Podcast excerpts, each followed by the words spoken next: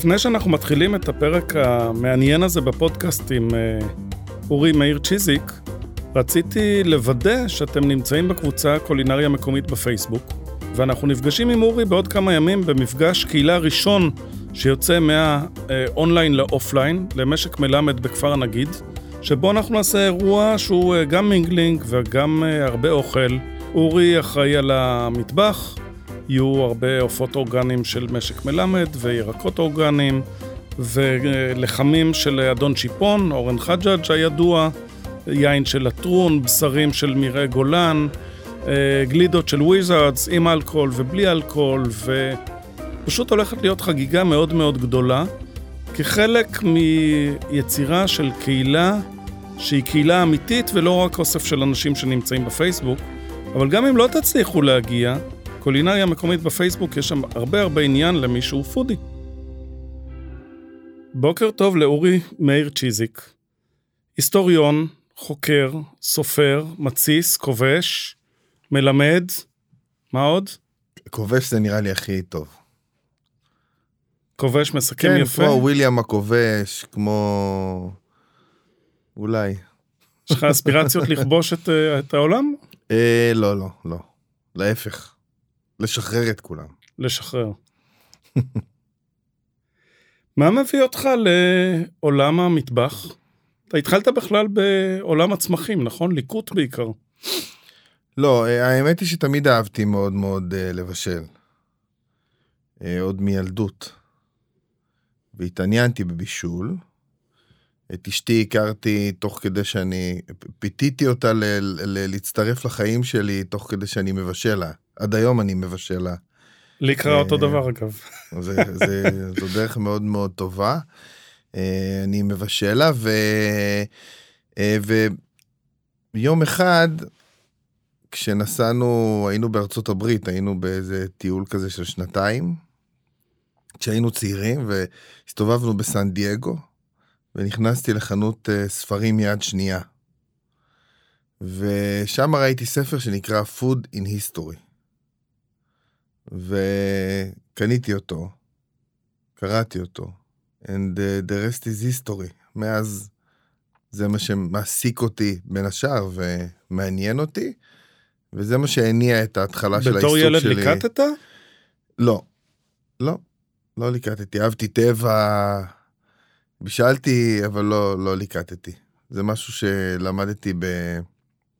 זה לא הגיע, בוא נגיד שהעניין הזה של להתעסק במסורות של אוכל ואוכל מקומי, לא הגיע מהמסורות הביתיות שלי, מה, מהמשפחה. אני בתור ילד מאוד אהבתי, היה לי את ילקוט הצמחים של ניסן כן? קריספיל, הייתי יוצא איתו לשדה ועושה ניסיונות, ולצערי לא אימנתי את השריר הזה והוא קצת הלך לאיבוד. לא, אז אני ממש לא הייתי כזה, אני, אה, אתה יודע, אני נולדתי בלונדון, אני בריטי בכלל. והגעתי לארץ אה, בגיל בגלל שאתה רוצה שנתיים. לכבוש את העולם. כן, בדיוק. אני רוצה להחזיר את המנדט. אה, אבל... אה, ו- ומאוד מאוד נהניתי לבשל, אבל לא היה איזה משהו מקומי או מסורתי, זה משהו שהגיע רק אחרי שלמדתי את הנושא. מה למדת בתואר הראשון? בתואר הראשון זה היה עוד לפני שהתעסקתי באוכל, אה, למדתי היסטוריה. הייתי אוקיי. היסטוריון. וברגע שהחלטתי שאני מתעסק באוכל, הבנתי שאני רוצה לקדם את זה לכיוון הזה. ואז את התואר השני והשלישי שלי עשיתי בהיסטוריה של האוכל. בעצם בהיסטוריה של התזונה והרפואה. את ה-MA שלי עשיתי על אה, שימור מזון בארץ ישראל, איך שימרו פה אוכל לאורך ההיסטוריה האנושית, ייבוש, התססה וכולי. ואת הדוקטורט שלי עשיתי על אה, רפואה תזונתית עתיקה, ערבית, מקומית. אוקיי. אה, מקומית אני מתכוון ל- לאזור שלנו. לאזור שלנו, אנחנו אף פעם לא היינו מקום בפני עצמו. לא, גבולות גיאוגרפיים פה נקבעים לפי כן. אה, שליטים וזזים כל כמה שנים. בדיוק. מתי התחלת ללמד אנשים, לקחת אותם החוצה? אה, וואו, אני חושב שממש מההתחלה. ברגע שהבנתי שמה שאני רוצה להתעסק בו זה אוכל, וברגע שהתחלתי אה, אה, ללמוד את זה לעומק, אז מיד התחלתי ללמד גם. שזה אומר כמה בהתחלה. שנים אתה עושה סיורי ליקוט? אה, אז סיורי ליכוד זה בעצם אחד הדברים הראשונים, סדנאות בישול וסיורי ליכוד זה הם, הם הדברים הראשונים שהייתי עושה. אני יכול לתארך את זה בערך מ-2000 ו... בטח מ-2006, מה זה אנחנו, זה 16 שנה, וואו. אז לא היו הרבה אנשים שהתפרנסו מזה. אה, לא היו הרבה אנשים שהתפרנסו מזה. כן, וזה רק ברכה שיש עכשיו אה, יותר ויותר אנשים שרוצים לצאת וללקט. וככה גם יש יותר לזה? מדריכי ליקוט, ו... מה אתה חושב שגרם להתפוצצות של התחום הזה, שאנשים רוצים לצאת ללקט צמחים, פטריות? תראה, אני, אני, לצערי אני לא חושב שזה התפוצצות. התפוצצות זה יהיה כשכולם ירצו ללקט. אוקיי. עדיין האנשים שיוצאים ללקט הם שכבה מאוד מצומצמת באוכלוסייה. אבל מה שגרם לעלייה המאוד מאוד גדולה ב- בהתעניינות של אנשים, לא רק בליקוט, גם, אתה יודע, בהתססה וכל מיני דברים כאלו, זה לדעתי בגלל שאנשים אה, קצת מתפכחים. זאת אומרת, אה, ככל שאנחנו מתרחקים יותר, ככל שאתה גר יותר אה, בעיר ואין לך מושג מאיפה מגיע האוכל שלך וכולי, אז אתה דווקא פתאום אומר, טוב, שנייה, מה, מה אני עושה פה? מה קורה פה? מאיפה זה בא? מה, מה זה עובר בדרך? ואז אתה יותר ויותר מתעניין בשאלות של מאיפה מגיע האוכל שלך, מה הוא עבר בדרך. זה תהליך טבעי לפי דעתי. ככל שצד אחד מקצין יותר, ככל שהתזונה פה הופכת ליותר מתועסת ויותר רחוקה מאיתנו, אז גם הצד השני מקצין. יש יותר אנשים ששואלים את עצמם מאיפה מגיע האוכל שלי ורוצים לבדוק מאיפה מגיע האוכל שלהם. כמה צמחים האדם הממוצע היום מכיר שהוא יוצא לשדה לעומת אה, לפני כמה מאות שנים? אני לא מדבר על אלפים. כלום. כלום. כלום. חובזה, לוף, אה, בערך זהו? ולא, אני אגיד שרוב האנשים מכירים אפילו פחות. גם את זה לא. פחות אוקיי. מאפס, אני תמיד אומר, כי אם לוקחים בחשבון, מקזזים את uh, כמות האנשים שלא יודעים איפה צומח, איך צומח מלפפון, אז זה מוריד מה... זה אנשים לא יודעים. מעט מאוד אנשים יודעים ללקט. הליקוט למדת הרבה מהמסורת אה, שקיימת פה, מהמסורת של הלקטות הערביות? אה, אז כן, בתחילת הדרך, מה שעשיתי בעיקר זה הסתובבתי ודיברתי עם אנשים. אשתי הייתה תמיד אומרת שזה מאוד קשה ללכת איתי לטיולים, כי אני הולך נתקע. לטיול, אני נתקע איזה אצל איזה לקט או לקטת, ואני נדבק אליהם, ושואל אותם שאלות ולא מרפה, וככה למדתי צמח צמח, אבל גם יש הרבה, הייתה הרבה ספרות מקצועית, אה, מחקרית, אקדמית. זאת אומרת, כל הזמן קראתי ולמדתי, ולאט לאט הרכבתי את ה... למדתי את הצמחים. תראה, אני בתור ילד מאוד קינאתי בכל החברים שלי, בחוגי הסיירות וכולי, שידעו את כל השמות של הצמחים. אני אף פעם לא הצלחתי לזכור את השמות של הצמחים. זה היה מאוד מביך, הייתי הולך לטייל ולא הייתי יודע כלום. ואז אה, אה, כשהגעתי לשלב הזה של התעניינתי באוכל וגיליתי שליקוט זה מסורת מאוד מאוד משמעותית, אז הבנתי שאני רוצה ללמוד על הצמחים האלו, והיה לי איזה אינסנטיב בזה שאני אני צריך למצוא דרך לזכור את השמות שלהם ואת התכונות שלהם. והדרך לזכור אותם הייתה דרך זה שאני יודע את הסיפור שלהם ולמה הם משמשים. זאת אומרת, אני עד היום, תמיד כשאני יוצא לסיורי ליקוט, אני אומר לאנשים, תראו, אני, אני לא בוטנאי, אני לא מכיר את כל הצמחים, אני בעיניים שלי רואה רק אוכל. ואם יש צמחים שאוכלים אותם, אז אני מכיר אותם. בגלל שאוכלים אותם ואני יודע את הסיפור שלהם. דרך אגב, היום אני כבר יכול להגיד שאני כבר מכיר עוד צמחים, אבל זה בעיקר, אתה יודע, אני מכיר צמחים לפי סיפורים. אה, למדתי שככל ש... ככל שיש יותר אגדות על הצמח הוא יותר אתה, מעניין. אתה מכיר אותו יותר טוב גם, אתה לא, זוכר את השם שלו ואת הסיפור שלו, גם למדתי שזו הדרך ללמד אנשים אחרים על צמחים. מלהסתכל על חובזה ולהגיד זה חובזה, אנשים לא אה, יזכרו את החובזה אם זו הפעם הראשונה שהם ראו אותה. אבל מלספר את הסיפור של החובזה, אתה כבר, הבן אדם כבר יש לו, הוא מרגיש קשר. ספר לנו בקצרה את הסיפור של החובזה. מה זה סיפור של החובזה? אתה יודע, לכל צמח אה, בר למאכל יש סיפור.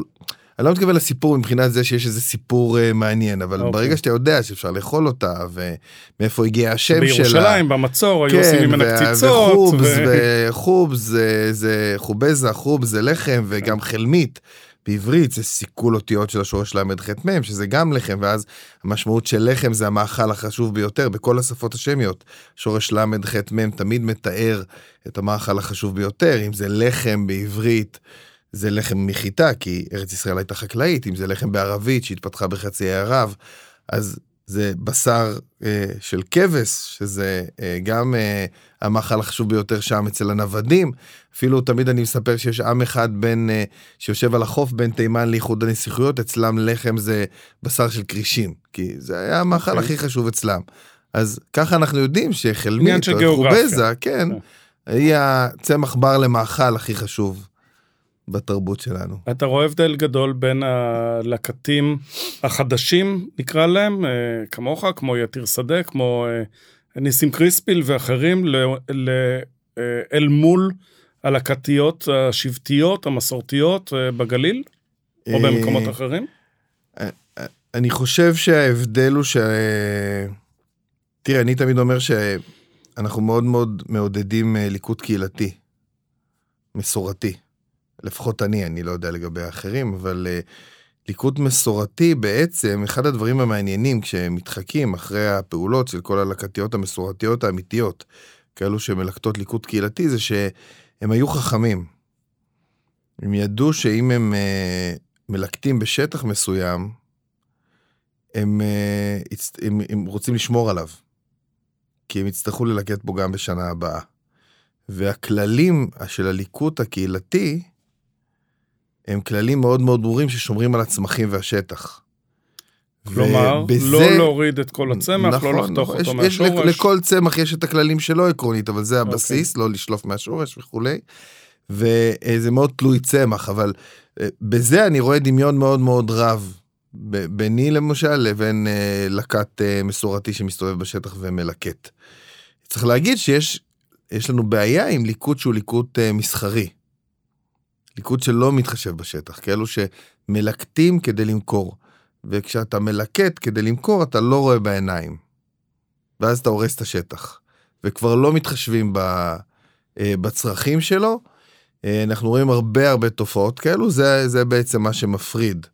זה הליקוט המודרני הבעייתי. אנחנו רוצים אה. לשמר את הליקוט הקהילתי. דיברתי עם יתיר על הנושא הזה, על ועם אה, אחרים. ומדברים על זה שזה הרבה פוליטיקה ופחות עניין של השמדת הצמח.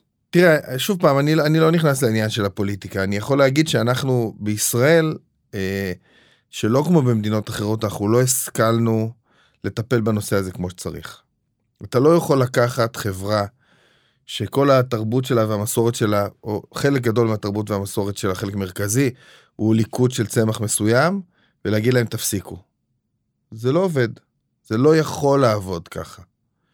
גם לא צריך אה, לעבוד ככה. וזה לא צריך לעבוד ככה, אבל כן, יש ערך לדעתי בשמירת הטבע. במקומות אחרים בעולם מצאו דרכים לדרכי ביניים. במדינה, בטח אתה מכיר, נאורה לצפוננו, לבנון.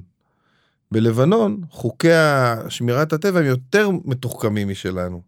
בלבנון אסור ללקט זעתר, שתדע.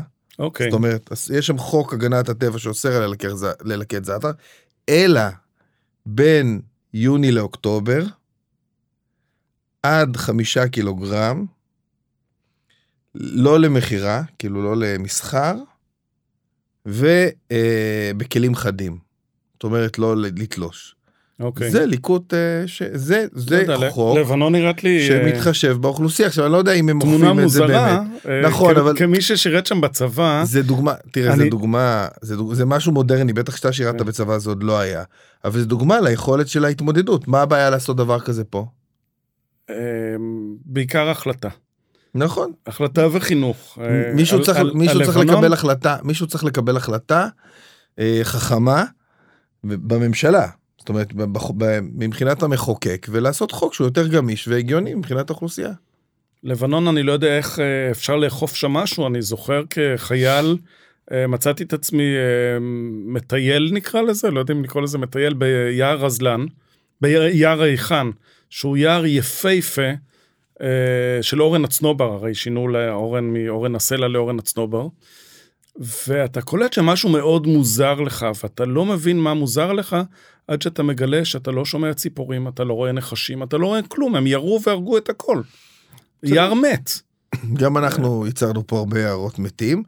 אז לא ניקח דוגמה לפיקוח כן. מהם, אבל אפשר לקחת דוגמה לחוקים מהם, אתה אני, יודע. אני רואה הבדל אחר כמי שיוצא לו לטייל גם עם לקטים אה, יהודים חדשים וגם עם אה, לקטים שלמדו מהאימא והסבתא. אה, אני רואה את זאיה מחוסניה למשל, שהיא כמו איילה שלוחה, רצה לה בשדות. מלקטים רק חלקים מאוד ספציפיים בצמח לשלושה דברים, למילוי בפתייר, לסלטים חמים ולסלטים קרים. Okay. וכשאני אוקיי. מטייל איתך וכשאני מטייל עם יתיר שדה, אז אתם יודעים להשתמש בהרבה יותר חלקים של הצמח, יש לכם הרבה יותר ידע על הצמח, הם יודעים איך קוראים לו, הם יודעים מה עושים איתו, מאוד ספציפי וזהו. אז יש פה איזשהו אה, משהו שדווקא מתחדש מעניין. Uh, כן, אבל אני, אני רוצה להגיד שאני לא מסכים, זאת אומרת, אני חושב שאולי היא כזו, אבל סבתא שלה, היו לה הרבה הרבה הרבה יותר, היה לה הרבה יותר ידע. בעצם הידע הולך ופוחת. אוקיי. Okay. עם הדורות, כי הם הפכו להיות עירוניים והם פחות מתעסקים בטבע. הנכד שלה כבר לא ידע מה זה חובזה. וסבתא שלה ידעה פי שבע צמחים ממנה ואת כל התכונות שלהם ומה לעשות איתם בצורה הרבה יותר uh, טובה ומעניינת. אני גם קורא על זה בספרות ההיסטורית, אני רואה את ה... יש ספר שאני מאוד מאוד אוהב, פעם אפילו uh, כתבתי עליו שנקרא אנשי פקיעין. כן. ושם מתארים צמח צמח, איך הם יודעים בדיוק מה לעשות עם כל אה, צמח, אוספים אותו בדרך, זה לפה וזה לשם, יש פה, שם ידע מדהים. יש לך אותו בספרייה? יש לי אותו בספרייה, ברור. אני רוצה לשאול ברור. אותו. היה איתי בנחף בשבוע שעבר אה, דובי עופר שהגיע במיוחד מערד. אמר לי אתה חייב לקרוא את הספר הזה. זה ספר מדהים. פעם שנייה תוך שבוע. אני כבר אומר לך שאצלנו אתה יכול לבוא לקרוא אותו בספרייה, אבל ספרים אה, נדירים אוקיי. אי אפשר להוציא. אנחנו, יש לנו ניסיון רע. אבל כל בן אדם, אתה יודע, ספרייה שיש ספרייה ענקית, ענקית ענקית בנווה איתן, וכל בן אדם מוזמן ויכול לבוא לשבת בספרייה ולקרוא מתי שהוא רוצה. נ... צריך לתאם מראש. בוא נספר מה יש בנווה איתן, בקיבוץ נווה איתן. קיבוץ נווה איתן זה קיבוץ, זה, אה, זה הקיבוץ שבו נולדה אשתי. אוקיי. ונולדה אימא שלה. אז אנחנו דור, הבנות שלי עם דור רביעי בנווה איתן. עמק המעיינות, מי שלא כן, יודע איפה זה. בעמק המעיינות, מתחת לבית שאן, אנחנו בקיץ תמיד מספרים שאנחנו הולכים לשאוף אוויר קריר בבית שאן. אוויר הרים. אנחנו מתחת לבית שאן, ובנווה איתן זה הבית שלי, וגם יש את המרכז הלימודי שלי שבניתי, שנקרא מרכז להנהגת הבריאות. שלשם משכתי. כן. מה זה מרכז להנהגת בריאות? Uh, בעצם באיזשהו שלב uh, uh, הבנתי שאני רוצה ללמד את כל הידע שצברתי. ו... הציעו לי לפני איזה עשר שנים, אם אני לא טועה, הציעו לי, הייתה, הייתה מכללה ברמת יוחנן שקראו לה מכללת דאו, הציעו לי לעשות שם מסלול לימודים. ופתחתי שם מסלול לימודים וקראתי לו המסלול להנהגת הבריאות.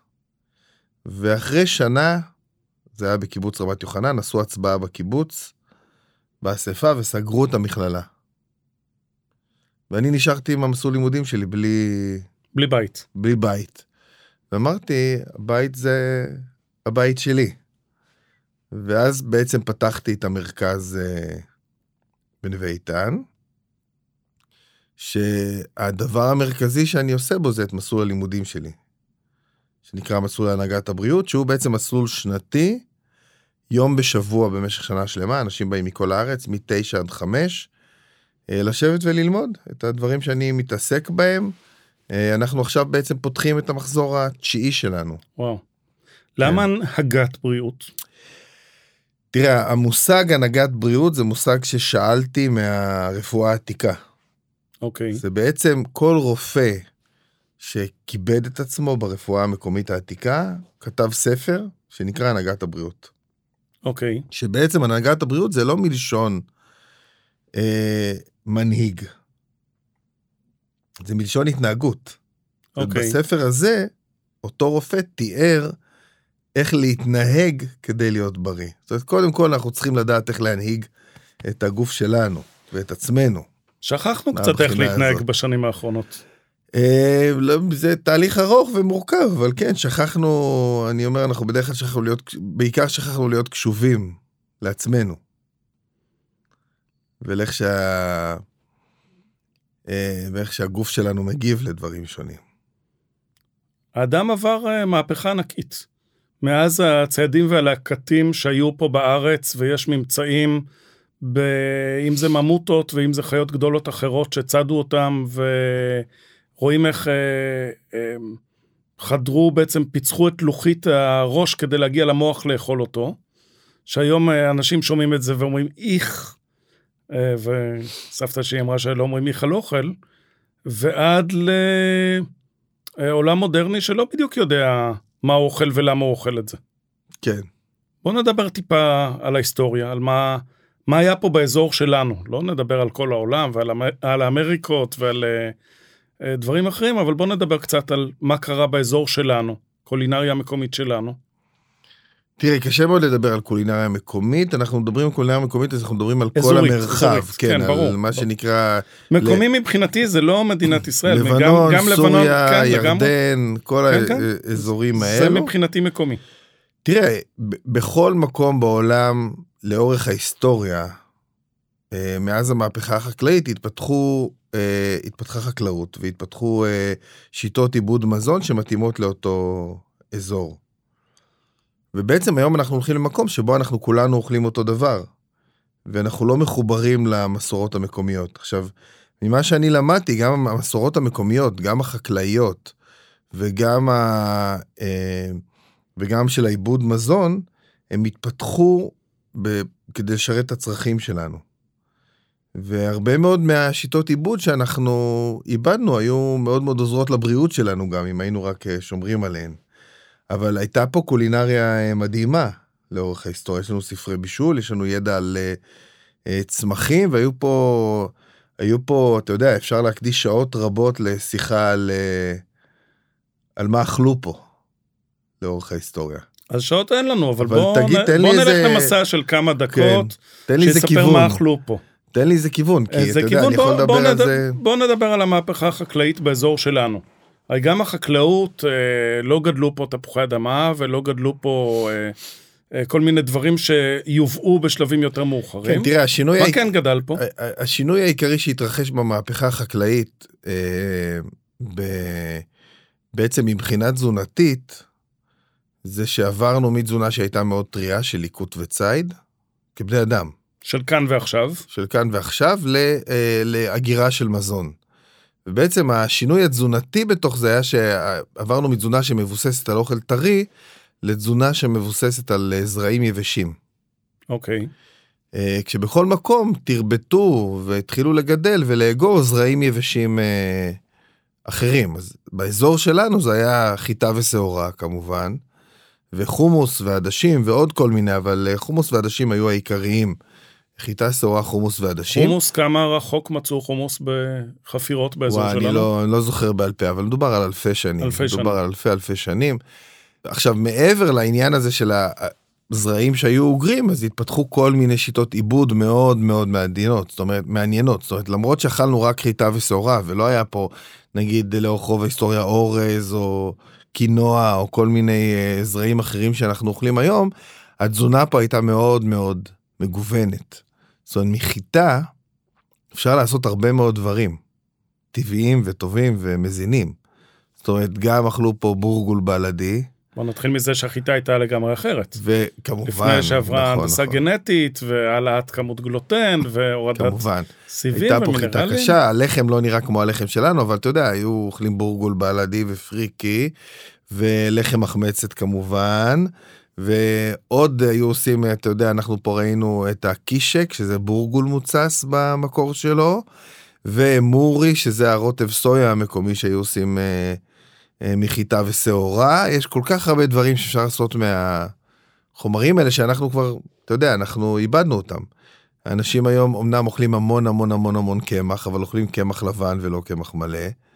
ואוכלים מזון מאוד מאוד מעובד, אף אחד לא אוכל בורגול בלדי או... אתה יודע, היום יש קצת עדנה בתחום הפריקי, אנשים אוכלים יותר פריקי, שזה מעולה, ואוכלים מלחם מחמצת, שזה טוב. אפרופו פריקי, אתה יודע אה, מה הערכים התזונתיים שלו? כי מה שאני מוצא זה קצת באינטרנט, ואני לא יודע כמה בדקו את זה. תראה, הדבר המעניין בזרעים באופן כללי, והדבר הבעייתי באכילת זרעים יבשים, השינוי הזה שעברנו במהפכה החקלאית, זה שבעצם זרע יבש בטבע, הוא מתייבש על הצמח ונופל לקרקע, המטרה שלו היא לשרוד עד העונה הבאה. וכדי לשרוד עד העונה הבאה, הוא מפתח לעצמו כל מיני מנגנוני הגנה. הוא משנה את הרכב הסוכרים שלו, מפתח חומצות uh, שיגנו עליו. חומרים נכון. שמפריעים גם לבעלי חיים לאכול אותו, כולל... נכון, בדיוק. אז אם אה, עכשיו, אנחנו, אם אנחנו נאכל אותו ככה, עם חומרי ההגנה שלו, את הזרע היבש, זה מאוד מאוד יקשה על מערכת העיכול שלנו. ואת זה הבינו אבות אבותינו לפני אלפי שנים. והם בעצם חיפשו כל מיני שיטות להימנע ממנגנוני ההגנה האלו, או לפרק את מנגנוני ההגנה האלו. וככה בעצם התפתחו שיטות אה, עיבוד המזון. אז מה שאנחנו מכירים לדוגמה בחיטה, מה שמפרק את מנגנוני ההגנה זה המחמצת. אנחנו עושים לחם מחמצת כי תהליך התסיסה מפרק את מנגנוני ההגנה וכך הופך את החיטה ליותר קלה לעיכול עבור מערכת העיכול שלנו. עכשיו גם בפריקי, מה שקורה זה שבעצם אנחנו, הפריקי הרי עושים מחיטה שהיא בשלה. לפני בשלה אבל עדיין ירוקה. כן. נכון, ירוקה, mm-hmm. לפני שהתייבשה. ואז, לפני שהיא התייבשה, כשהיא בשלה, היא עדיין לא פיתחה את מנגנוני ההגנה. ואז קוצרים אותה לפני שהיא פיתחה את מנגנוני ההגנה, אבל אז יש בעיה, כי בגלל שהיא בשלה, הגרעין עדיין דבוק לשיבולת. Mm-hmm. ואז כולים אותה בשדה כדי להפריד את הפריקי מה... את הגרעין מהשיבולת, וזה בעצם הפריקי.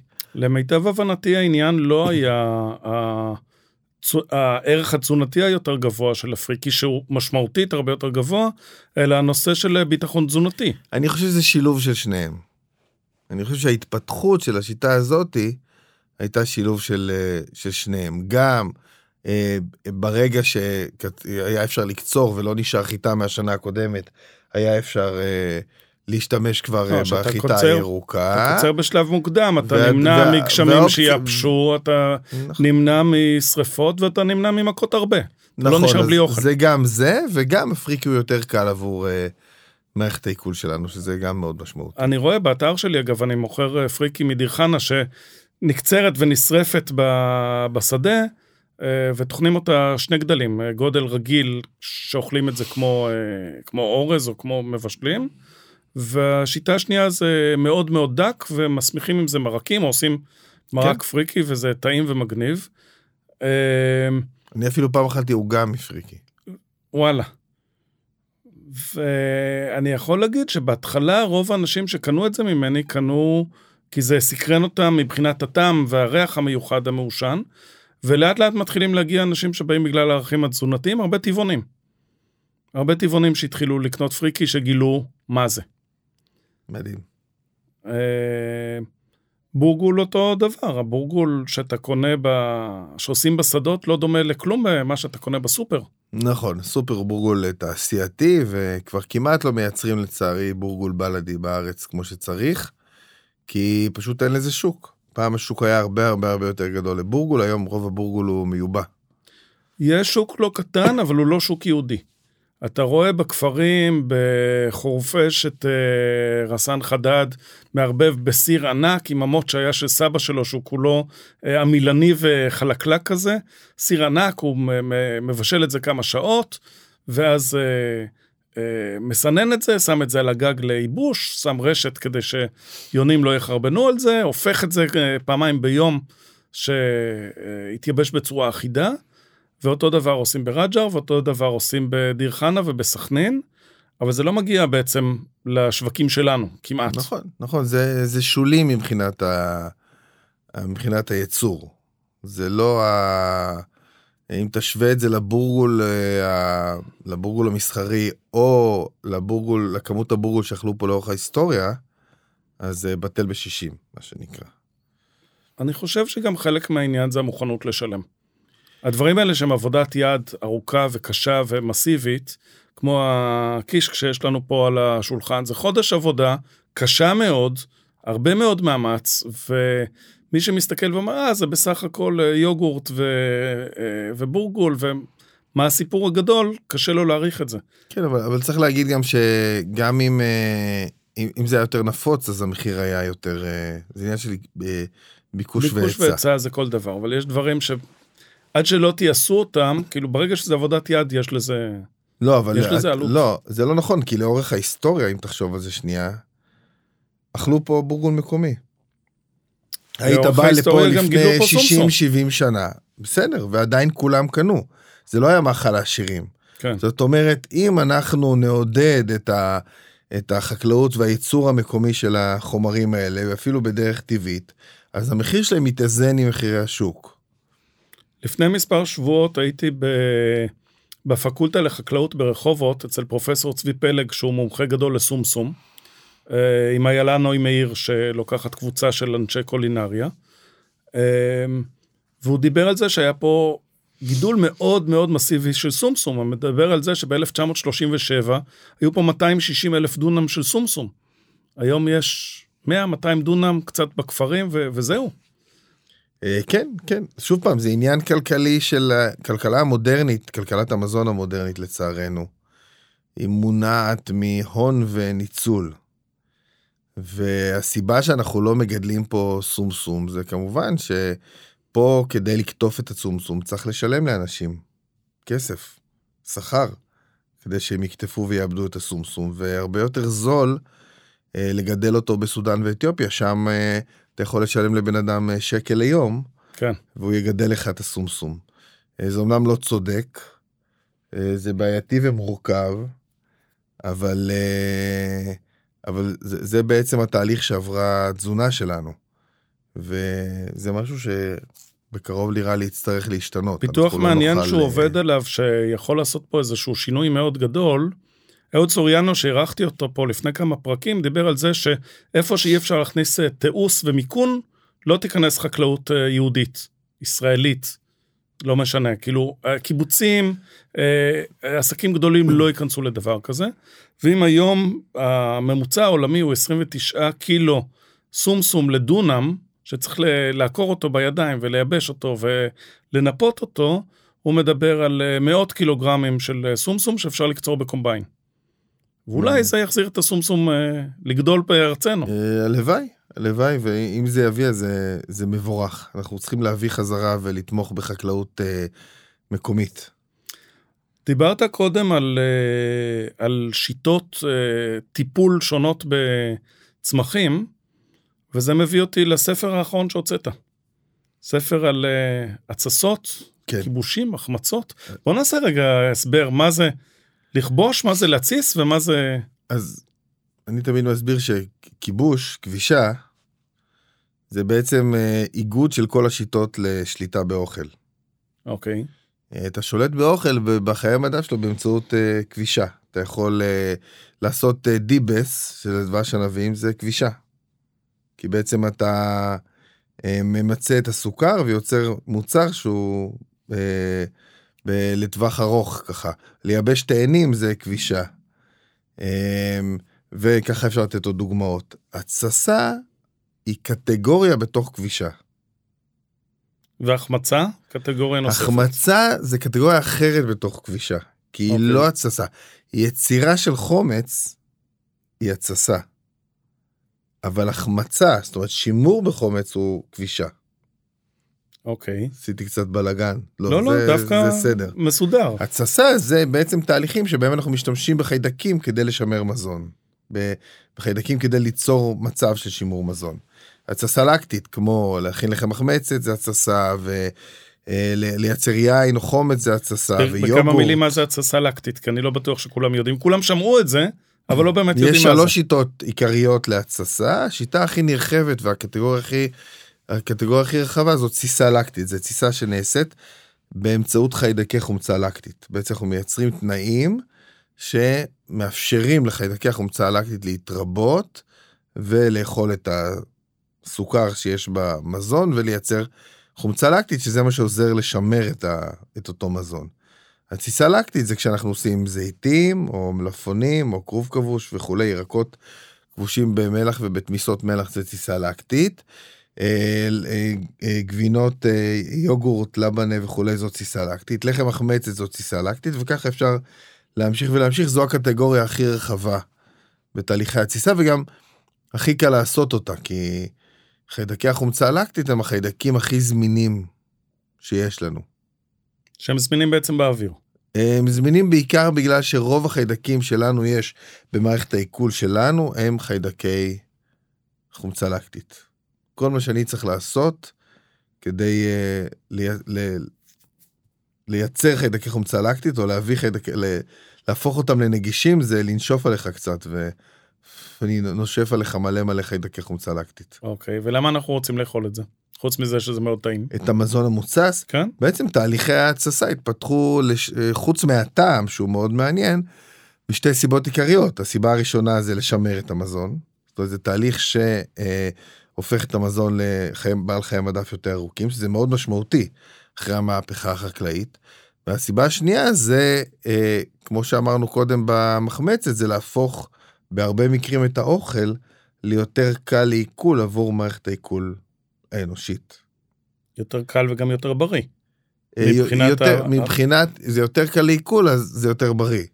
אוקיי. אוקיי? כי ברגע שהגוף שלנו יכול להפיק יותר מהאוכל, אז זה יותר, אה, זה יותר בריא. אוקיי, אומרים שאם אתה לוקח אנטיביוטיקה זה הורג את הפלורה של המעיים, ואז לאכול הרבה מוצסים.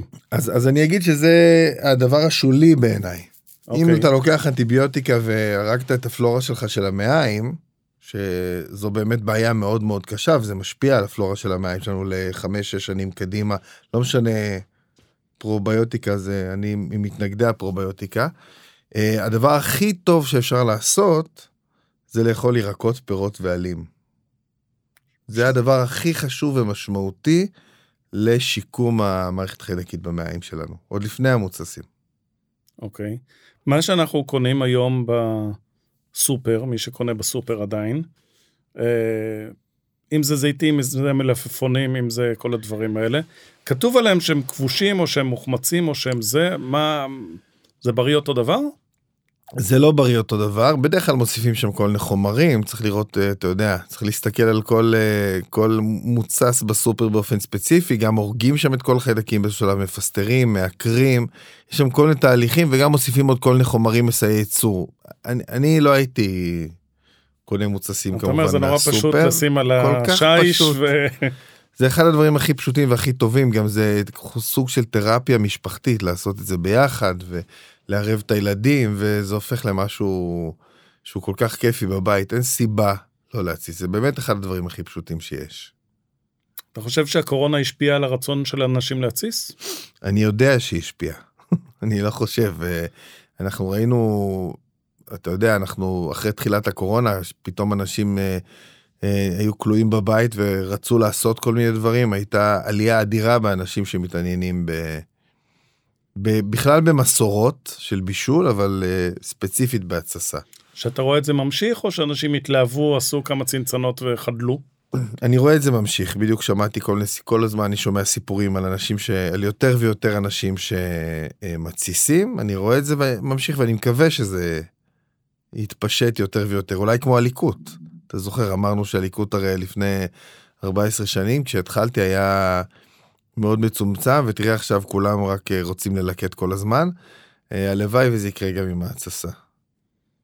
תן לנו איזה דוגמה או שתיים מהספר על דברים שהם פחות שגרתיים, שאנשים לא חושבים שאפשר להתסיס אותם, אבל כדאי אה, להם לחשוב על זה. תראה, אני אתן דוגמה יותר פשוטה ודוגמה יותר נדירה, אבל אנחנו, כשאני מתסיס דברים בתמיסת מלח, שזה ההתססה העיקרית שעושים, כמו שעושים זיתים או מלפפונים, אני כל הזמן עושה ניסיונות ואנחנו מתסיסים כמעט כל דבר. אה, מזירי חרדל מוצסים בתמיסת מלח ועד uh, גרעינים של תירס שאנחנו מורידים מהקלח ומתסיסים בתמיסת מלח. יש כל כך הרבה דברים שאפשר uh, להתסיס ולנסות, זה בעצם סוג של uh, מגרש משחקים. מדהים. ו... וגם אני, כשאני מלמד אני אומר לאנשים זה זה ברגע שאתה מבין את הטכניקה ואתה מבין את העקרונות תתחיל לשחק. יאללה, תתחיל לשחק, והמשחקים האלה אמנם באמת לפעמים יוצאים דברים נוראים ואיומים, אבל ברוב המקרים יוצאים דברים אה, מדהימים שאפשר להשתמש בהם במטבח. זה, זו דוגמה אחת. דוגמה שנייה למשהו יותר נדיר זה, תראה, אחד הדברים שאני עושה בשנים האחרונות זה אני משחזר מתכונים של אה, שיטת אה, התססה אחרת, לא תסיסה לקטית. זו התססה שנקראת התססה באמצעות תמיסת מלח בריכוז גבוה. זו התססה שבאמצעותה מתסיסים את המיסו והגרום והרוטב סויה. וצריך להגיד שגם באזור שלנו עשו את זה, זאת אומרת, גם לאזור, כמו שאמרתי כבר קודם, גם לאזור שלנו היה את הרוטב סויה שלו, אה, שקראו לו מורי. ובשנים האחרונות אני מייצר, ב, על פי מתכונים עתיקים, אה, מורי כזה. זה תהליך של איזה חצי שנה, שנה, זה משהו מדהים. כמה זה מפחיד לפתוח, חרס. לראות מה קורה בפנים? בכלל לא מפחיד, בדיוק היום פרסמתי תמונות שאנחנו בשלב הערבובים, זה ממש מקבל עכשיו, והצפים שם בפנים נוזלים שנראים כמו, אה, כמו רוטב סויה, וזה, לראות את זה ולטעום את זה, זה משהו אה, מדהים. מאוד דוממי. כל שנה אנחנו, זה, אם הייתי נותן לך את זה, היית חושב שאני נותן לך רוטב סויה. אוקיי. לא היית מבחין. שזה משהו מקומי מחיטה ושעורה, ש... רק מרכיבים מקומיים, מה שנקרא. ואנחנו, זה, זה מלהיב לראות את זה ולטעום את זה ולהבין כמה זה מגניב ומקומי. וזו מסורת שנעלמה, פשוט אין את זה. חוץ מבכתובים, אף אחד כבר לא עושה את זה. בכלל, הייתי אצלך בנווה איתן לפני uh, חודשיים בערך, איזה בוקר. אכלנו ביחד ארוחת בוקר ועשית לי טיול והראית לי את המקרר ואת מדפי התססה ונפלה לי הלסת. אתה כל היום משחק באוכל. אה, כן, אתה, אתה יודע, צריך ליהנות בחיים. ולשחק זה... דגים מהכנרת כן. שישבו כן. שם על האנקול, מה עשית להם אגב? אה, כבשתי אותם כמו דג כבוש, ששמתי אותם במלח, ואז תליתי אותם אה, לתסוס במערה, יש לנו, יש לנו חדר שקוראים לו המערה. כן, שהוא... זכיתי להיכנס פנימה, כן, טעם גדול. 15 מעלות, 60 אחוז לחות, שזה, אנחנו שם עושים כל מיני ניסיונות מעניינים בהתססה, וזה... אם מדברים, על, אם מדברים על ניסיונות, לפני כמה שנים יצאת לשנה של מסע של לאכול רק מקומי. כן, זה היה לפני הרבה שנים, כן. כמה שנים זה, אתה יודע, זה שאלה... אבל אתה רואה, זה השפיע עליי. כן. אני לא יודע מתי זה היה, אבל אני זוכר שקראתי על זה בעניין רב. אני חושב שזה היה לפני איזה שמונה, תשע שנים, כן. אה, זה לא כל כך הרבה זמן. ספר לנו קצת על השנה הזאת, למה בכלל החלטת שאתה מנסה לעשות את זה? אה, החלטתי כי הרגשתי שאני אני מבין טוב מאוד בתיאוריה של אוכל. זאת אומרת, אני יודע את, איך עובדת כלכלת המזון ואיך עובדת הפוליטיקה של האוכל, אבל גם הבנתי שלמרות שאני יודע את זה, אני לא, אני לא יודע בדיוק כשאני קונה בסופר מאיפה הגיע האוכל שלי ומה הוא עבר בדרך. אתה קונה אוכל בסופר? אז, בזמנו. אוקיי. זה היה, או שעוד קניתי אוכל בסופר. ו... רציתי ללמוד יותר, טוב, לענות על השאלה הזאת. זאת אומרת, זה היה סוג של מחקר עצמי. להגיד, אה, איך אני יכול אה, לדעת יותר טוב מאיפה האוכל שלי מגיע. והניסוי שהחלטתי לעשות כדי ללמוד יותר טוב לענות על השאלה הזאת היה לאכול במשך שנה שלמה רק אוכל מקומי, רק אוכל שגדל בשטח הגיאוגרפי של ארץ ישראל, ולראות מה אני יכול ללמוד מזה. ולמדתי המון המון דברים. למדתי גם על האוכל המקומי, זאת אומרת הבנתי שיש פה המון המון אוכל מקומי איכותי ומדהים, אבל גם למדתי שה... קשה מאוד לדעת פה בישראל מאיפה האוכל שלנו הגיע ומה הוא עבר בדרך. אה, בעיקר בגלל ששיטת הסימון פה של המזון היא מאוד בעייתית. אה, ולמדתי את זה בכל מיני דרכים תוך כדי השנה הזאת. עשיתי... ספר לנו על דברים שהיית בטוח שהם מקומיים עד שבדקת וגילית שממש לא. תראה, הסיפור העיקרי שאני מספר תמיד זה על לחמת בוטנים. אני, אה, אחד הדברים הראשונים שרציתי לאכול באותה שנה, עשו לי, אה, עשו לי סיור בתחילת השנה הזאת בשדות בוטנים. והראו לי את הבית אריזה של הבוטנים, כי אנחנו מגדלים פה די הרבה בוטנים בארץ. כן. ואמרתי... כל האזור של עמק החולה והאזור כן, הזה? כן, נכון, בדיוק שם לקחו אותי לשם, ואז נורא בא לי חמת בוטנים, והלכתי לחפש חמת בוטנים. וגיליתי שטוב רוב החמאות בוטנים היו איזה חמש חמאות בוטנים על המדף לדעתי אה, ארבע מהם היו תוצרת חוץ אז לא היה לי מה לעשות איתן ואחת הייתה מקומית. אה, אבל אתה יודע פתאום הבנתי שאם כתוב שהיא יוצרה ב... לא יודע, עפולה, זה לא אומר שהבוטנים מקומיים. אז לקחתי את האריזה של החמת בוטנים והתקשרתי למפעל, ושאלתי אותם, תגידו, הבוטנים שלכם אה, מקומיים, נכון? ראיתי היום את כל שדות הבוטנים פה בעמק החולה. אמרו לי, תסלח לי אדוני, אבל אפילו בוטן אחד שלנו לא מקומי. זאת אומרת, יש הבדל גדול מאוד בין זה שמגדלים פה בוטנים לבין השאלה ממה עשויה חמת הבוטנים שאני קונה, או אתה יודע, זה שיש דבש. זה שידעו לענות לך זה כבר אה, לא מעט. נתקלתי בבעיה גדולה עם דבש, כי אתה יודע, דבש היום בארץ, אתה יכול להביא דבש מחו"ל, לארוז אותו בארץ, ולכתוב תוצרת uh, יד מרדכי. או עמק חפר, ושזה לא יהיה דבש מקומי, ולי אין דרך לדעת את זה. וזה חוזר בהרבה הרבה הרבה מוצרים. אתה יודע, עכשיו סנפרוסט בכותרות, זה היה לפני תשע שנים, הלכתי לקנות סנפרוסט. קניתי אפונה, ורציתי לדעת האם היא מקומית או לא. כי אני יכול לאכול רק מקומי. צלצלתי לשירות לקוחות, אמרו לי, אה, שאלתי אותם, אמרתי להם, אני יכול לאכול רק מקומי. אמרתי, זו בעיה רפואית, אבל לא משנה. אה, היא לא כל כך הבינו אותי. ושאלתי, אה, תגידו, זה מקומי? אמרו לי, נחזור אליך. חזרו אליי אחרי יומיים, לא עמדתי והחזקתי את האפונה של סנפרוסט אחרי יומיים, ואמרו לי, תשמע, אנחנו לא יכולים להגיד לך אם זה מקומי או לא מקומי, אם תיתן לנו את מספר העוצבה, אז נגיד לך. עכשיו אמרתי להם מה אני עכשיו כל פעם שאני הולך לסופר אני אתקשר אליכם לתת לכם את מספר העוצבה ואז אחרי יומיים תגידו לי אם זה מקומי או לא מקומי מה אי אפשר לכתוב על האריזה אם האפונה גדלה בישראל או בסלובקיה או לא משנה איפה אתם רוצים לגדל את האפונה זה זה חלק מהעניין השיטת סימון פה לא מאפשרת לנו לדעת מאיפה האוכל שלנו הגיע. גם מוצרים שמחויבים בסימון כמו שמן זית אתה נתקע לא פעם. שזה לא בדיוק. לא, אז, אז, אז חשוב להגיד, תמיד יש רמאים, אבל חוק הוא חוק. בעצם שמן זית הוא מוצר המזון היחידי בארץ שיש עליו חובת עקיבות. אז שחייבים לרשום על הבקבוק מאיפה השמן הגיע. אמנם זה בקטן, אמנם זה מאחורה, ואומנם זה לא מספיק, אבל זה עדיין המוצר היחידי ש, שחייבים לרשום עליו, וזה באמת מאוד מאוד uh, משמעותי. היו אה, הרבה אתגרים בשנה הזאת? אני, שנייה, אני רק אגיד שבדיוק בדקתי את השיטת סימון באוסטרליה. אז ב- בישראל יש שתי קטגוריות. יש מוצר שהיא בטא, ואז אתה רושם עליו uh, את השם של המקום שאיבדת אותו ממנו, מוצר שלם ארוז כבר. Mm-hmm. ויש את המקום ש... וחוץ מזה, כל מה שנארז בארץ הוא, הוא מקומי. באוסטרליה יש חמש קטגוריות.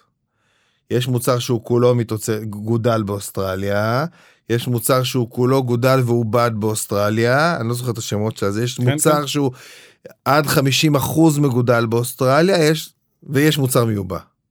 זאת אומרת, כן. שם אתה יכול לדעת בדיוק מאיפה הגיע האוכל שלך. פה, אתה לא יכול. היו לך אתגרים שהתקשית בשנה הזאת? בטח, לא לשתות קפה שנה שלמה. אוקיי. זה היה קשה מאוד. אה, אורז לא יכולתי לאכול. כי לא מגדלים פה אורז, היו כל מיני דברים uh, קשים. תראה, גם הייתי צריך להפות לעצמי את הלחם, כי 95% מהחיטה פה היא מיובאת. אוקיי. אז כדי לאכול לחם מקומי הייתי צריך לקנות חיטה מקומית. היית הולך לפתח לחם בסוואד חמרה, נכון, נכון. לחם נפלא. אני לא יודע איפה היה לפני תשע שנים, אבל באמת אני... לא שם. יש לו, יש לו באמת לחם מדהים, מדהים, מדהים. וגם עלתה המודעות מאז, יש יותר ויותר חיטה אה, מקומית. השנה הזאת השפיעה על ההתנהלות שלך היום? אתה עושה דברים אחרת בעקבות השנה הזאת? בהחלט כן, גם מבחינה תזונתית, זאת אומרת, גם אני תמיד מעדיף מקומי, דבר ראשון. אוקיי. ואני כבר לא הולך לסופר. אבל זה לא רק מבחינה תזונתית של לדעת מאיפה מגיע האוכל שלי. יש פה גם עניין אה, חברתי-כלכלי. אה, אנחנו בעצם, אה, על ידי זה שאנחנו קונים ברשתות, אנחנו מוציאים את הכסף שלנו החוצה מחוץ לקהילה. ואנחנו uh, מזינים את, ה, את בעלי ההון, את התאגידים, במקום לפרנס את החברים שלנו בקהילה. יש לנו אינטרס מאוד מאוד ברור uh, לפרנס את השכנים שלנו. וזה עושים על ידי קנייה מעסקים קטנים ומקומיים. בשוק איכרים, קנייה מהחקלאי, קנייה מבעלי מלאכה, קנייה מאנשים שעושים את האוכל uh, בעצמם ולא קנייה uh, מהרשתות. וזה משהו שלקחתי איתי מאז, שנשאר איתי עד היום ורק הולך ומתחדד. ככל שאני נכנס יותר עמוק לעיסוק בכלכלה של מזון ובפוליטיקה של מזון, אני מבין כמה, אה, כמה שוק המזון בארץ הוא שוק ריכוזי, וכמה זה הדבר המרכזי והעיקרי שפוגע אה, בתזונה שלנו מכל ההיבטים שלה, גם מבחינת בריאות, גם מבחינת סביבה, גם מבחינת ביטחון תזונתי, גם מבחינת, אה, מבחינה כלכלית, אתה יודע. ו, ו, ובהחלט, אני, הדרך הציבורית, אתה יודע, אני חושב שהממשלה הייתה צריכה לפרק את הריכוזיות. והיא לא עושה את זה. אבל מה שבן אדם כמוני יכול לעשות זה לא לשתף עם זה פעולה. ולא משתפים עם זה פעולה על ידי קנייה אצל בעלי עסקים קטנים ולא קנייה מהתאגידים האלו. גם אה, לגמרי האמת שלי, ופודשופ, האתר שלי, זה בדיוק מה שהוא מנסה לעשות. ללכת ליצרנים הקטנים, לחקלאים הקטנים, ולהנגיש אותם. לתגמל אותם על העבודה שלהם בלי מתווכים בדרך ובלי משווקים ובלי דברים כאלה, ולהביא את זה ישר לציבור. אה, וזה לא פשוט, עם רגולציה ישראלית אה, מאוד קשה. ושאני מניח שחלקה מושפעת מהחברות הגדולות ומהריכוזיות, שפשוט לא רוצות שיהיה פה שינוי. לא רוצים שהקטנים יוכלו לייצר ולמכור, כי זה פוגע בהם. כן, הבעיה העיקרית שלנו זה הריכוזיות ותאגידי המזון, וכרגע לא נראה שזה הולך להיפתר בקרוב. בואו נדבר בכמה מילים על הפוליטיקה של התיעוש של המזון, של תאגידי המזון בארץ. לא נטפל בכל הבעיה העולמית, תראה, אבל... הנושא המרכזי הוא באמת, כמו שאמרנו, הריכוזיות. הריכוזיות מאפשרת לתאגידי המזון, שהם אה, בעצם חברות בבעלות פרטית, אה, כוח לא מידתי. ובעצם הן משתמשות, בגלל שהן שולטות בשוק, הן משתמשות בכוח הזה שלהן כדי אה, לקדם את האינטרסים שלהן. והאינטרסים שלהן זה ייצור עוד כסף. וכשהאינטרס הראשון והמרכזי הוא לייצר עוד הון, לייצר עוד כסף, אה, זה בדרך כלל בא על חשבון בריאות הציבור. בוא נדבר על זה משני אה, היבטים, מהצד של הייצור ואחרי זה מהצד של המסחר. אז זה משפיע על... בצד של הייצור איך זה משפיע? הם משפיעים על הרגולציה, בעצם, ה... בעצם הש... הדרך שבה הם עובדים, אה, הכללים שעל פיהם הם צריכים לעבוד, כל בעל עסק, הכללים שעל פיהם הוא צריך לעבוד, הם כללים שמוכתבים על ידי הרגולטור, על ידי הממשלה. נכון? יש תקנות, יש תקנים, והם באמצעות, באמצעות הכוח שלהם משפיעים על איך ייראו התקנים. והתקנים האלה משרתים אותם במקום לשרת את הציבור. אני רוצה ללכת רחוק יותר מאשר התקנים, אני רוצה לדבר על זה שבכל דבר, אה, מסיבות כלכליות, מכניסים הרבה קמח לבן, הרבה סוכר, הרבה שמן אה, מזוכח. זה, זה בדיוק התקנים. המדינה בעצם הייתה אמורה, הרגולטור, משרד הבריאות, שירות המזון הארצי, היה אמור להגן עלינו. הוא היה אמור להגן על הציבור, זה התפקיד שלו בעצם. מה, בשביל זה אנחנו בחרנו אותו. ולהגיד שלא ולהגיד מסבסדים ל... אה, כן? לחם לבן למשל? חד משמעית, להגיד שלא לא, אי אפשר לתת מקום כל כך מרכזי בסופר לקוקה קולה.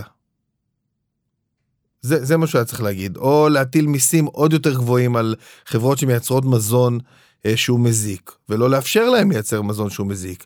או לשים, אתה יודע, יש כל כך הרבה דברים שאפשר לעשות, או לא לאפשר להם לפרסם אותו בצורה כל כך אה, אה, בולטת, או לקדם יותר, אה, בצורה יותר טובה פרסום של פירות וירקות, או יש כל כך הרבה דברים. בגדול אנחנו אוכלים הרבה פחות בריא ככל שעוברות השנים ב-200 שנה האחרונות, נכון? נכון, נכון.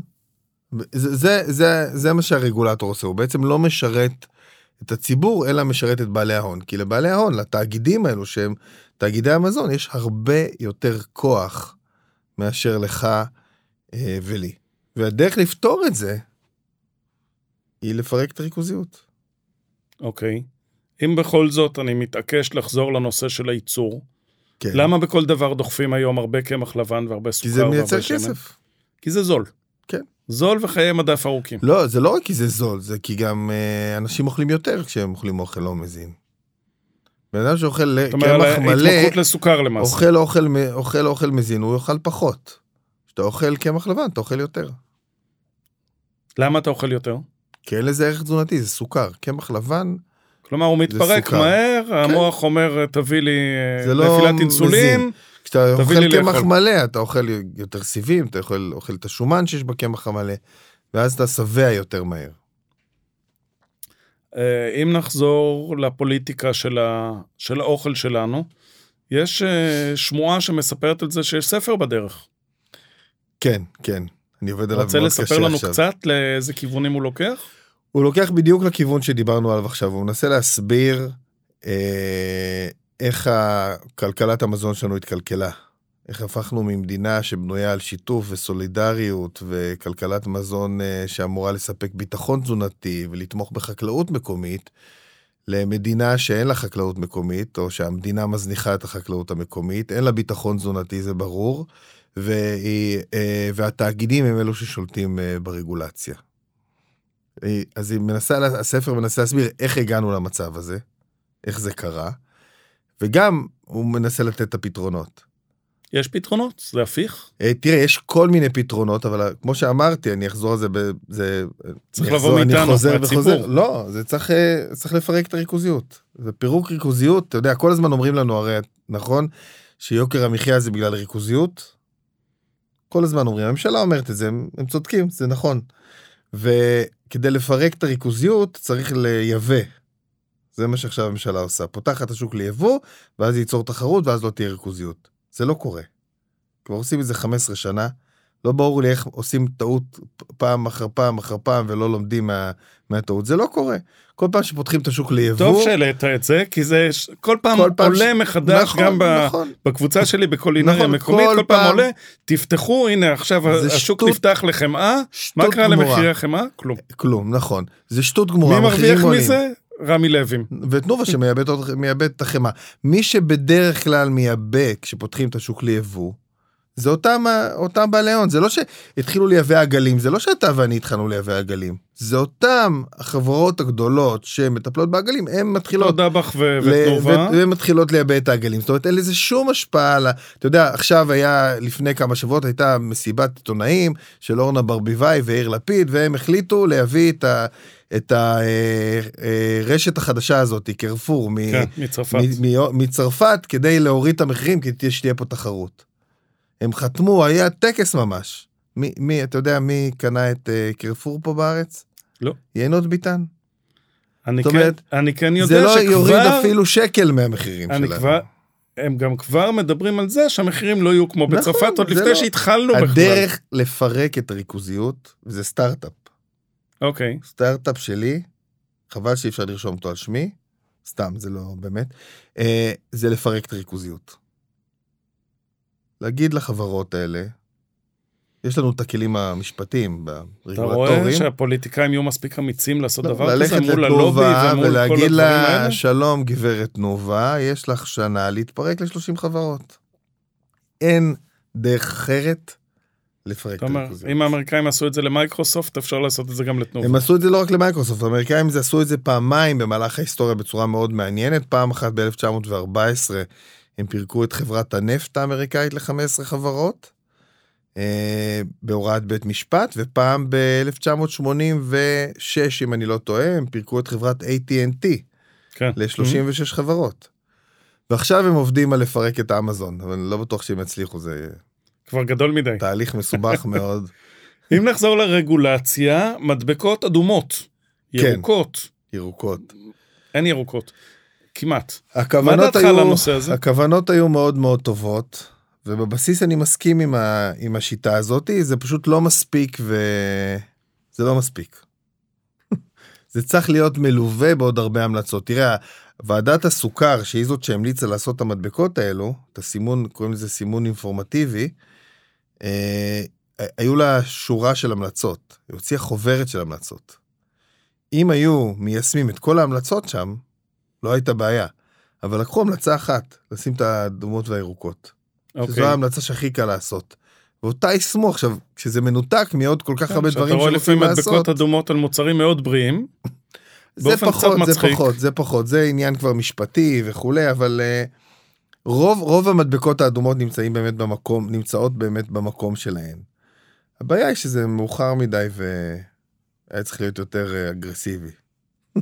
יש שם כל מיני בעיות משפטיות, אפשר לדבר עכשיו שעות על כל הטחינה אה, עם מלח, אז היא מקבלת סימון אדום על שומן, ובלי מלח היא מקבלת סימון ירוק. אה, למרות שה... מה, מה הקשר, ושאת התחליפי מזון לתינוקות החריגו אחרת כל התחליפי מזון לתינוקות היו מקבלים תח- סימונים אדומים. ויש פה מלא שללחם אין סימון ירוק. בכלל. אוקיי. אין קטגוריה כזאת לחם עם סימון ירוק, כי לא, בסופר לא מצאו לחם שעל פי התקן יכול לקבל אה, סימון ירוק, והחברות לא רצו לייצר לחם בלי חומרים. לא הסכימו. אז אמרו, טוב, אז ללחם לא יהיה סימון ירוק. יש מלא בעיות בתוך החוק הזה, אבל בבסיס שלו הוא טוב, רק הוא, הוא לבד. זה לא מספיק רק לעשות מדבקות. צריך לעשות חינוך, צריך למנוע פרסומות, צריך לעשות מיסוי. יש כל כך, כל כך הרבה דברים שאפשר uh, לעשות. אולי נמנה אותך לשר התזונה. תודה יש רבה, בחירות, יש לי יש, מספיק אה, צרות משל עצמי. אה, לא, לא, אין לי שום אספירציות. אה, יש לך תחביב אה, לחפש אה, סימונים מוזרים על אה, מוצרי מזון. כן, כן, זה תחביב שאני מאוד אוהב. זה הסיבה ללכת לסופר. אני הולך, אני מסתובב, ואני מצלם כל מיני אריזות ומנסה... 100% מרכיבים בריאים, ואז כן, אתה מסתכל מאחורה.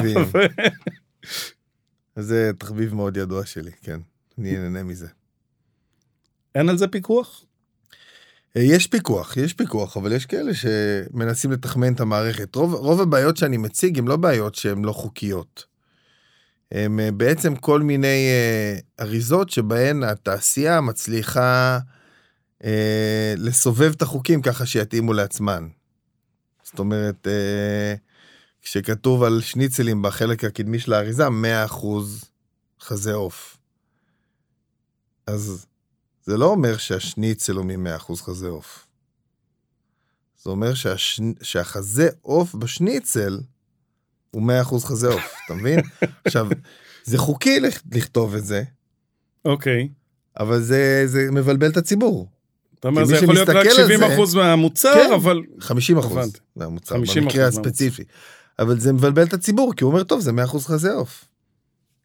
אריק מלמד. אה, ידידנו המשותף, הוציא עכשיו אה, פסטרמה שהיא 100% עוף, כן, עם קצת פפריקה על זה, כן. אבל זה 100% עוף באמת. זה נדיר, זה נדיר. תענוג גדול. האמת שעוד לא טעמתי, אני צריך לבדוק אותה. מאוד טעימה. היא באה בנתח, לא, ב... לא פרוס, כדי שלא יצטרכו להזריק ולשים כל מיני חומרים, שיש... כל מיני דברים שאנחנו לא רוצים לאכול. בדיוק. אנחנו נפגשים בעוד כמה ימים אצל אריק מלמד. כן, כן. אני כבר אה, מכין את השרירים שלי. מפגש ראשון של, קהילה, ריאה- של אה, קהילת קולינריה מקומית. תענוג גדול. רוצה לגלות לנו קצת מה אתה הולך לבשל שם? אתה הולך לבשל שם. מסתבר. אני הולך לבשל על מדורות. אני הולך לבשל על מדורות, כל מיני אה, דברים אה, אורגניים טובים ומזינים, אה, צלויים אה, זה יהיה אוכל בריא? בסירים. כן, אוכל, רק אוכל בריא. מה ההבדל בין, לפחות אה, מה שאני אבשל. בין התרנגולות של אריק לתרנגולות שקונים בסופר? כמובן שדרך הגידול של בעל החיים מאוד מאוד משפיעה על האיכות ועל ה... אה, ועל ה... כמה המוצר הזה בריא. ולכן ככל שבעל החיים גדל בתנאים יותר טובים, יותר כדאי לנו לאכול אותו. וגידול עופות אורגני, שהוא בלי חומר, בלי אנטיביוטיקה ובלי... אה, וברווחה יותר גדולה, ועם אוכל שהוא יותר מזין ואיכותי ואורגני, זה כמובן אה, יוצר עוף שהוא הרבה הרבה הרבה יותר בריא לנו. אז נאכל שם עופות? נאכל שם עופות וגם בשר של מירי גולן וגם ירקות אורגניים מהשדה שצמוד. ונעשה אוכל פשוט פשוט פשוט אבל טעים. אבל חגיגה גדולה. חגיגה, וואו, איזו חגיגה. לפני סיום רציתי לשאול שני דברים. אחד זה איך מוצאים אותך, איך עוקבים אחריך, והדבר השני זה כמה טיפים למי ששומע ופחות אה, יודע איך להתנהג עם הבריאות שלו, איך בכל זאת כמה טיפים לחיות יותר נכון, לאכול יותר נכון. אז איך מוצאים אותי? אז קוראים לי אורי מאיר צ'יזיק, אפשר לעשות בגוגל אורי מאיר צ'יזיק ולהגיע לאתר שלי. אפשר לכתוב גם דוקטור לפני וזה גם יעזור, כן. או לא יזיק. אפשר להגיע לאתר שלי, באתר שלי יש המון המון המון חומר. חוץ מזה אפשר לעקוב אחריי באינסטגרם, בפייסבוק, בטוויטר, ביוטיוב, בכל מקום אחר. וגם יש, יש לי, אה, יש לי פודקאסט שנקרא שעת סיפור. אה, שבו אני מקריא קטעים מספרים בספרייה שלי, שגם אליו אפשר להאזין. לגבי טיפים, וואו, זה תמיד, זו השאלה הכי קשה בכל אה, ראיון כזה שעושים לי. אבל אני אגיד שצריך אני לא לצאת, מקורי, אתה אומר, כן, בסדר? צריך לצאת מהסופר, לא צריך- יעלב. צריך לצאת מהסופר ולקנות מבעלי מלאכה, וצריך לאכול הרבה מאוד פירות וירקות. אה, ולא לאכול מזון מעובד, להימנע ממזון יש מעובד, כאלה סוכר שאומרים מעובד, שהרבה פירות לא קמח טוב, לבן. כי זה מקפיא סוכר. אז אתה יודע, על כל דבר שאני אגיד, יהיה אפשר אוקיי. להגיד את ה... זה. אה, לא לאכול קמח לבן וסוכר מעובד ושמנים מזוכחים, ובאופן כללי להיות קשובים למערכת העיכול שלנו. לנסות לדעת מה עושה לנו טוב ולא עושה לנו טוב. זה ככה על קצה המזלג, אבל באמת אפשר ל... אפשר אה, לקבל הרבה מאוד יש מידע. כאלה שיגידו גם לאכול קצת פחות. אנחנו פשוט אוכלים יותר. מדי. נכון, נכון. לאכול במודעות, לאכול קצת פחות, לאכול בנחת. כל כך הרבה דברים. היה לי תענוג גדול לארח אותך, ואנחנו נתראה בעוד כמה ימים. משק מלמד בכפר הנגיד. גם לי היה תענוג. ובשמחות. תודה רבה. תודה.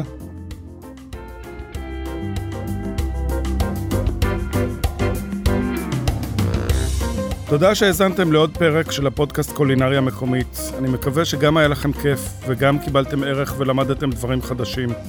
אם אתם אוהבים קולינריה ונהניתם, אתם מוזמנים להירשם למעקב. אם יש לכם מה להגיד, לספר, אורחים שאתם חושבים שכדאי לראיין לפודקאסט, אתם מוזמנים ליצור קשר דרך קהילת הפייסבוק של קולינריה מקומית, להשאיר לי הודעה פרטית או דרך האתר פודשופ, ואני אשמח להגיב, לארח ולשמח את כולנו.